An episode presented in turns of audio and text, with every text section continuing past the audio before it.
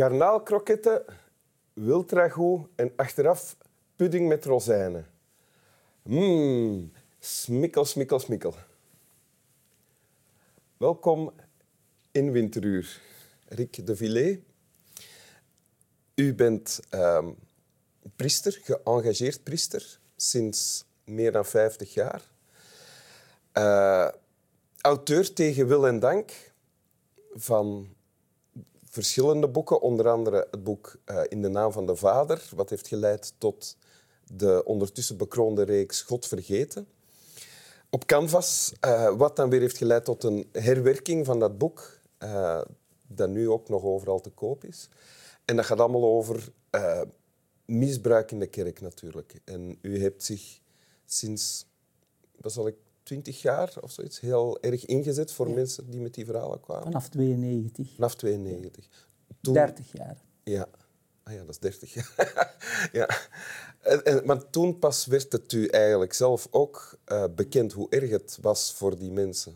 En hoeveel er waren, denk ik. Ja, ja vroeger uh, had ik daar geen weet van. Het is uh, door dat boek te schrijven in 92, De Laatste Dictatuur, dat als titel dat ging over de macht in de kerk. Dus uh, we zaten in een hoopvolle periode in Europa. De Berlijnse muur was gevallen enkele jaren daarvoor. En uh, ja, alle dictaturen verdwenen uit Europa. Ook Spanje en zo was gekanteld. En ja, er zat er nog eentje over in mijn hoofd. En dat was het Vaticaan, als die nu ook weg is. Ja. En je hebt uh, daar een meer democratische beleving van het uh, geloof vanuit Rome, ja, dan zou dat toch wel een maar zijn. onze toenmalige bisschop Daniels dacht er anders over.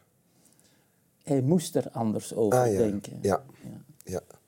En dat heeft geleid tot uh, waar we nu allemaal in zitten. Hè? Ja. Want sinds... Uh, u bent bijna 80 jaar. Ja.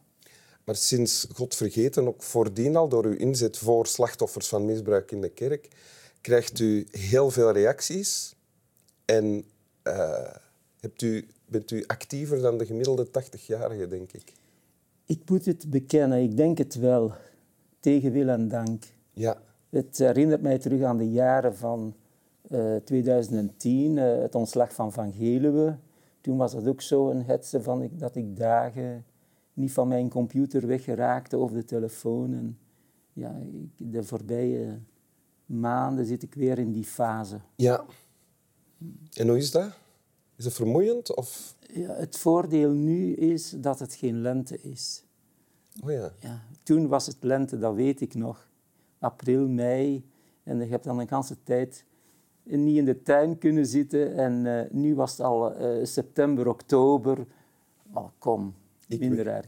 Ik wens u toe dat u komende lente weer een beetje in de tuin zal kunnen zitten. Van waar u Urbanus in zijn tuin kan zien zitten, want u Ja. woont in Tollenbeek. Ja, ik moet maar de straat overkijken en ik zie zijn Ja. bomen al staan. Ja. Je hebt een tekst meegebracht. Wil je die voorlezen? Graag. Eh, het komt uit een eh, lied, een gedicht, Baraye. Voor het dansen in de straat. Voor een kus zonder angst in het openbaar. Voor mijn zus, jouw zus, onze zusters, ons bloed. Voor verandering van verrot gedachtegoed. Voor de armoede, het onrecht waar ik me voor schaam. Voor verandering naar en vrijheid en normaal bestaan. Voor een kind in het afval dat geen dromen kan zien. Voor onze onophoudelijke tranen. Voor een droom dat zich dit nooit meer zal herhalen. Al die gezichten met een lach voor studenten en hun toekomst op die ene dag, voor deze verplichte hemelgang, voor hen die opgesloten worden, want ze zijn niet bang. Voor vrouw, voor leven, voor vrijheid, voor vrijheid. Dit is van Shervin Hayipour. Ja. Wie is zij? Ja, dat is een uh, Iraanse dichteres, zangeres, zal ik maar zeggen, denk ik toch.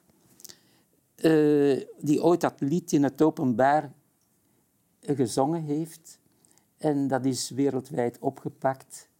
En uh, het gaat over, het is gemaakt naar aanleiding van het, uh, de moord zeg maar, op dat Iraans meisje in Teheran dat toevallig haar hoofddoek niet helemaal over haar haren had gezet en daardoor uh, gestorven is en die betogingen en zo. Ja. En dus uh, een van die mensen heeft dus als eerbetoon aan haar dit lied geschreven. Dat is ook in het Nederlands vertaald en zo is dat tot hier geraakt. Een lied dat ondertussen overal, enfin, overal ter wereld gezongen wordt. Ja. En, ja. Ja. ja. Ik vind het zo'n mooi lied. Zo, ja, in de dood, opstaan daaruit, uit de vernietiging, uit... Ja, er is niks erger, denk ik, dan je kind zien zo vermoord worden. En dus een, een onschuldig kind dat niet beseft wat het fout doet en gewoon maar ja, in de wind wil spelen en lopen en bewegen. En... Hebt, u, hebt u het al meegezongen of gezongen geweten, live? Ja, dus uh, maar meezingen, dat is niet mijn ding. Oké. Okay.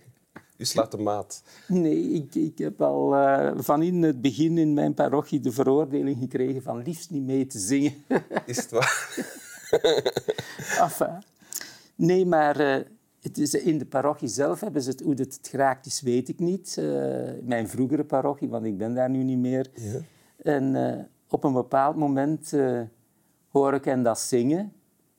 En krijg ik ineens een, een, beeld thuis op de computer van dat ze dat met een, een flashmob hebben gezongen in Halle op de Grote Markt tijdens een zondagmiddag op de kiosk. En welk, welk effect heeft dit op u als u dit leest of als u het gezongen hoort? Ja, de, op het einde zit daarin voor vrijheid. Zodat, dat is niet meer zingen, dat is een kreet. Zodat roepen om in de dood, roepen om leven. Dat element, zo dat pijnlijke.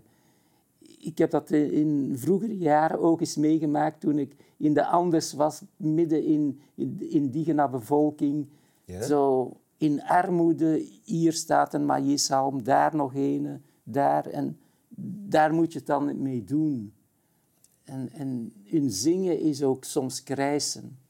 En, maar krijsen kan ook zingen worden. En, en zingen kan iets zijn tussen die twee van doodgaan en opnieuw tot leven wekken. En door dat lied is, vind ik dat meisje tot leven gewekt. En, en dat, dat raakt u dan op een manier die u aanzet om mee te willen doen of om u het lot aan te trekken van... Uh... Ja, ik voel mij daarbij betrokken. Dus uh, dat zit zo, denk ik, een beetje in mijn DNA van... Uh, ja, je kan toch een mens zo niet maar aan zijn lot overlaten Ja. die, die in de pure ellende zit. dat element, denk ik is dan, ik vroeg mij af toen u daarnet voorlas, er staat onder andere het onrecht waar ik me voor schaam. Hè, voor de armoede, voor het onrecht waar ik me voor schaam. Ik vraag me af, is dat dan bijvoorbeeld iets dat u herkent? Want u, u kan zich wel inleven in de situatie van die mensen in Iran bijvoorbeeld, maar hier is er gelukkig meer vrijheid. Maar iets drijft u ook om, om te doen wat u allemaal doet. Is dat het onrecht waar u zich ook voor schaamt? Ja, zo kan het, zo kan het benoemen. Ik denk het wel, want uh, wat we hier in ons eigen land of in alle mogelijke landen waar uh, de katholieke kerk aanwezig is, dat zij zo betrokken is bij dat kindermisbruik, is toch wel beschamend als je van jezelf zegt dat je de morele wegwijzer bent in het leven. En dat dan al decennia lang zit te verstoppen. Uh, we ontdekken nu meer en meer dat dat gewoon allemaal geweten was. dat daar zelf uh, documenten over bestaan. En dan schaamt u zich om priester te zijn?